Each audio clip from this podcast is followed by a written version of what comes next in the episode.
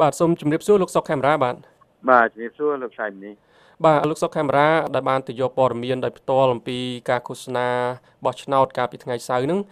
លោកដឹងហើយថាក្នុងពេលនេះគឺមានសម្ពាធអន្តរជាតិជាច្រើន បានដាក់មកលើប្រទេសកម្ពុជាប្រទេសខ្លះទៀតនឹងចាត់ទុកការបោះឆ្នោតនេះថាជាការបោះឆ្នោតមួយដែលมันអាចទទួលយកជាការបាន ដោយសារតែវាខ្វះភាពស្របច្បាប់តើលោកមើលឃើញបរិយាកាសនៅក្នុងប្រទេសកម្ពុជានឹងនៅតែទៅ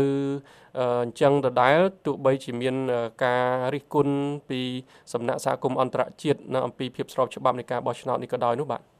បាទយើងឃើញថាការបោះឆ្នោតដំណើរការហ្នឹងគឺចាប់ផ្ដើមទៅហើយហើយការចុះឈ្មោះគណៈបកនយោបាយក៏វាចប់ទៅហើយដែរប៉ុន្តែលើកលែងតែមានការប្រែប្រួលនៅនេតិចុងក្រោយដែលថាអាចនឹងមានការពជាពេលបោះឆ្នោតឬក៏អាចនឹងមានការធ្វើឲ្យគណៈបកសង្គ្រោះជាតិអាចរស់ឡើងវិញចូលរួមប្រកួតប្រជែងអីប៉ុន្តែនេះគ្រាន់តែជាការដូចថា សម័យសម័យមួយពីខាងក្រមឬថាមនុស្សមួយចំនួននិយាយអញ្ចឹងទេប៉ុន្តែខាងគណៈបកគ្រប់គ្រងប្រទេសដូចជារដ្ឋាភិបាលក្តីខាងកោជបក្តីគឺថាច្បាស់លាស់ហើយគឺថាត្រូវតែចេញដំណើរដោយគ្មានគណៈបកសង្គ្រោះជាតិនោះទេដោយសារថាតឡាការបានរំលាយគណៈបកនេះហើយហើយមេដឹកនាំគណៈបកនេះគឺលោកកឹមសុខាក៏នៅជាប់ក្នុងពន្ធនាគារទៀតប៉ុន្តែ បញ្ហាមួយត្រង់ថាតើដូចថាកម្ពុជាត្រូវតែប្រឈមមុខជាមួយនឹងសហគមន៍អន្តរជាតិយ៉ាងដូចនេះរហូតជាធ្នូនឹងការដូចថាមិនចរចាឬក៏ជាធ្នូនឹងបញ្ហាដែលត្រូវតែធ្វើឲ្យឈ្នះចិត្តយ៉ាងដូចនេះដោយថាចាត់ទុកថានេះគឺជាការធ្វើទៅតាមច្បាប់ហើយអន្តរជាតិមិនយល់ព្រមយ៉ាងដូចនេះឬក៏យ៉ាងណាបាទ ខ្ញុំនិយាយចឹងចង់បញ្ជាក់ថាដូចកម្ពុជាលែងមានតំណែងតំណងជាមួយនឹងលោកខាងលិចទៀតហើយហើយលទ្ធផលបោះឆ្នោតក៏មិនត្រូវបានទទួលស្គាល់ដែរដោយសហគមន៍អន្តរជាតិប្រកាសឲ្យមានសហភាពអឺរ៉ុបមានសហរដ្ឋអាមេរិកមានអង្គការសហប្រជាជាតិក្តីគឺថាការបោះឆ្នោតនេះបើគ្មានការចូលរួមពីគណៈបកសង្គ្រោះជាតិគឺគេបញ្ជាក់ច្បាស់ថាមិនមែនជាការបោះឆ្នោតពិតប្រាកដនោះទេហើយមួយទៀតគឺថា គេមិនទទួលស្គាល់ពីភាពស្របច្បាប់តទៅទៀតទោះបីជាកម្ពុជាមិនអាចថានឹងคล้ายទៅជាប្រទេសដែលឯកោមែនប៉ុន្តែអាចនឹងមានបញ្ហាប្រឈមមុខនឹងមុខមាត់របស់ប្រទេសកម្ពុជានៅលើឆាកអន្តរជាតិខ្លះតំណែងតំណងអន្តរជាតិខ្លះហើយនឹងប្រជាជនដែលមានចំនួនជាង15លាននាក់ក៏ដូចថាជាប់ឈ្មោះទៅក្នុងរឿងនឹងដែរដែលអន្តរជាតិបានបញ្ជាក់ច្បាស់ហើយថាមានការ ធ្វើឲ្យខូចខាតប្រជាធិបតេយ្យអីនោះដូចជាមានទណ្ឌកម្មបកកទ្រព្យសម្បត្តិអីជាហោហែខ្លះខ្លះហើយដកជំនួយការបោះឆ្នោតអីជាដំបងដំបងមកហើយហើយឥឡូវសហភាពអឺរ៉ុបអីក្តីកំពុងតែចាប់ផ្ដើមធ្វើកិច្ចការនឹងតទៅទៀតក៏ប៉ុន្តែគេនៅមានការដែលឲ្យប្រទេសកម្ពុជានឹងធ្វើការដូចថាកែប្រែដែរបើមិនជាមានការកែប្រែចំហជាចុងក្រោយអីបាទហ្នឹងมันអាចមានទណ្ឌកម្ម តទៅមុខទៀតទេរឿងសម្លៀកបំពាក់រឿង everything but arms ឬក៏ទំនិញនាំចេញទៅគ្រប់ប្រភេទលើកលែងតែអាវុធទៅកាន់សហភាពអឺរ៉ុបអីនោះបាទបាទកន្លងមកដោយដែលលោកបានជម្រាបអំបញ្ញមិញគឺថាមានការដាក់ទណ្ឌកម្មផ្សេងផ្សេងទៅហើយប៉ុន្តែក្រោយពីការបោះឆ្នោតនេះទៅមែនតែនតើនឹងអាចមាន ផលវិបាកជាក់លាក់យ៉ាងម៉េចទៅ ទៅលើពលរដ្ឋកម្ពុជា ដែលខ្លះនឹងបានចូលរួមនៅក្នុងការបោះឆ្នោតនេះដែរនោះបាទបាទផលវិបាកយើងឃើញកន្លងកន្លងមកគឺថាផលវិបាកជាច្រើនប៉ុន្តែយើងមិនមានពេលរៀបរាប់អស់ឧទាហរណ៍មួយដូចថាការផ្ដល់ជំនួយពីលោកខាងលិចមកកាន់ប្រជាពលរដ្ឋកម្ពុជា អាចនឹងមិនមានជាទូលំទូលាយទេដោយសារថា គេមិនទទួលស្គាល់លទ្ធផលការបោះឆ្នោតដោយសារថាលើឆាកអន្តរជាតិរដ្ឋាភិបាលក៏មិនមានមុខមាត់ឬក៏មានភាពស្មើគ្នាជាមួយនឹងប្រទេសផ្សេងៗដូច្នេះអាចនឹងមានការកាត់ផ្តាច់ទំនាក់ទំនងខ្លះខ្លះទៅឬក៏មានទំនាក់ទំនងដែរប៉ុន្តែគ្រាន់តែជារបៀបធម្មតាมันមានលក្ខណៈស៊ីជម្រៅអីដោយសារថារដ្ឋាភិបាលមួយគេមិនទទួលស្គាល់អញ្ចឹងទៅបាទអាហ្នឹងវាហាក់ដូចជា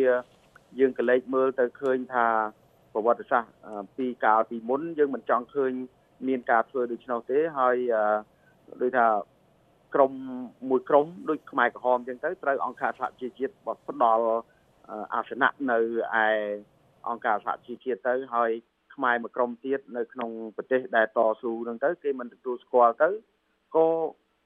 វាធ្វើដំណើរទៅរបៀបអញ្ចឹងទៅហើយកម្ពុជាហ្នឹងមើលទៅហាក់ដូចជាបែកបាក់ប៉ុន្តែ មិន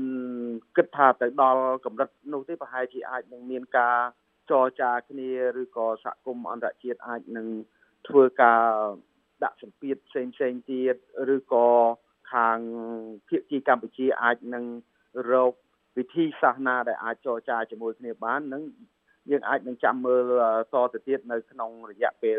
ប៉ុន្មានថ្ងៃចុងក្រោយមុនការបោះឆ្នោតនេះបាទបាទគណៈបកប្រឆាំងគឺគណៈបកសង្គ្រោះជាតិដែល ជាគណៈបកប្រកួតប្រជែងដ៏សំខាន់ហើយដែលត្រូវបានហាម5មិនឲ្យចូលរួមនៅក្នុងការបោះឆ្នោតនេះនឹងបានប្រកាសថាខ្លួននឹងធ្វើបាតកម្មនៅថ្ងៃទី28និង29បាទគឺចំពេលដែលការបោះឆ្នោតថ្ងៃបោះឆ្នោតនឹងមកដល់តែម្ដង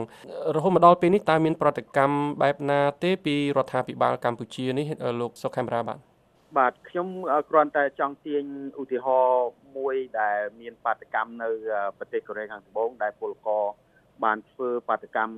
នៅទីនោះប្រឆាំងទៅនឹងដូចថាមិនមែនប្រឆាំងទេចង់ឲ្យសូមឲ្យប្រទេសជប៉ុនអីកុំជួយគ្រប់គ្រងដល់ដូចថាការបោះឆ្នោតអីហ្នឹងឬក៏សូមឲ្យមានអន្តរាគមអីផ្សេងផ្សេងអញ្ចឹងហើយក៏ មានការចម្រូងចម្រាសនៅខាងក្រៅប្រទេសដោយសារថាក្នុងប្រទេសมันមានសេរីភាពណាអាចតវ៉ាបានគឺថាអាចនឹងមានការចាប់ខ្លួនអាចនឹងមានបញ្ហាផ្សេងផ្សេងផលវិបាកផ្សេងផ្សេងដូច្នេះហើយនៅក្រៅប្រទេសគេអាចធ្វើយ៉ាងដូច្នោះបានទៅប៉ុន្តែក៏មានការគម្រាមកំហែងដែរថាប្រសិនបើពលករនឹងអាចវិលមកកម្ពុជាវិញគេអាចនឹងមានការចាប់ប្រកាន់ដល់មនុស្សមួយចំនួនដែលរៀបចំបាតកម្មយ៉ាងដូច្នោះហើយអញ្ចឹងហើយបានធ្វើឲ្យកម្ដៅនយោបាយឬក៏ បញ្ហានឹងចេះតែរីករាលដាលឡើងមានកំហឹងហើយអញ្ចឹងហើយគឺថាកំហឹងរវាងប្រជាពលរដ្ឋឬក៏បញ្ហាអ្នកគ្រប់គ្រងសងខាងហ្នឹងកាន់តែរីករាលដាលឡើងហើយមើលទៅឃើញថាมันមានភាពស្រាកស្រានតទៅសោះហើយយើងអាចឃើញថាបើសិនជាមានបាតកម្មផ្សេងផ្សេងទៀតនៅកន្លែងផ្សេងផ្សេងទៀតអាចនឹងមានការគម្រាមកំហែងឬក៏អាចនឹង ដូចថាមានប្រតិកម្មច្រើនពីខាងរដ្ឋាភិបាលនៅក្នុងប្រទេសកម្ពុជាដែរតាំងពីដំបូងឡើយគឺថាឲ្យតែមានបាតកម្មគឺថាมันអាចនឹងដូចថាអាចបណ្តែតបណ្ដោយបានទេដូចថាភាគច្រើនគឺក្នុងប្រទេសគឺมันអាចមានការអនុញ្ញាតឲ្យហើយដូច្នេះហើយកាលណាបិទសិទ្ធិសេរីភាពក្នុងការបញ្ចេញមតិយ៉ាងដូចនេះវានឹងមានបញ្ហានៅកន្លែងផ្សេងផ្សេងទៀតលើកលែងតែមានការ ដូចថាឲ្យមានការបញ្ចេញមតិខ្លះឲ្យមានការដែលធ្វើយ៉ាងណាមានសិទ្ធិជួបប្រជុំគ្នា ដើម្បីឲ្យពលរដ្ឋមានការបញ្ចេញមតិនយោបាយឬក៏សង្គមស៊ីវិលមានការបញ្ចេញមតិធ្វើការដោយរបៀបរបស់គេមានសេរីភាពគ្រប់គ្រាន់អ្នកសារព័ត៌មានអាច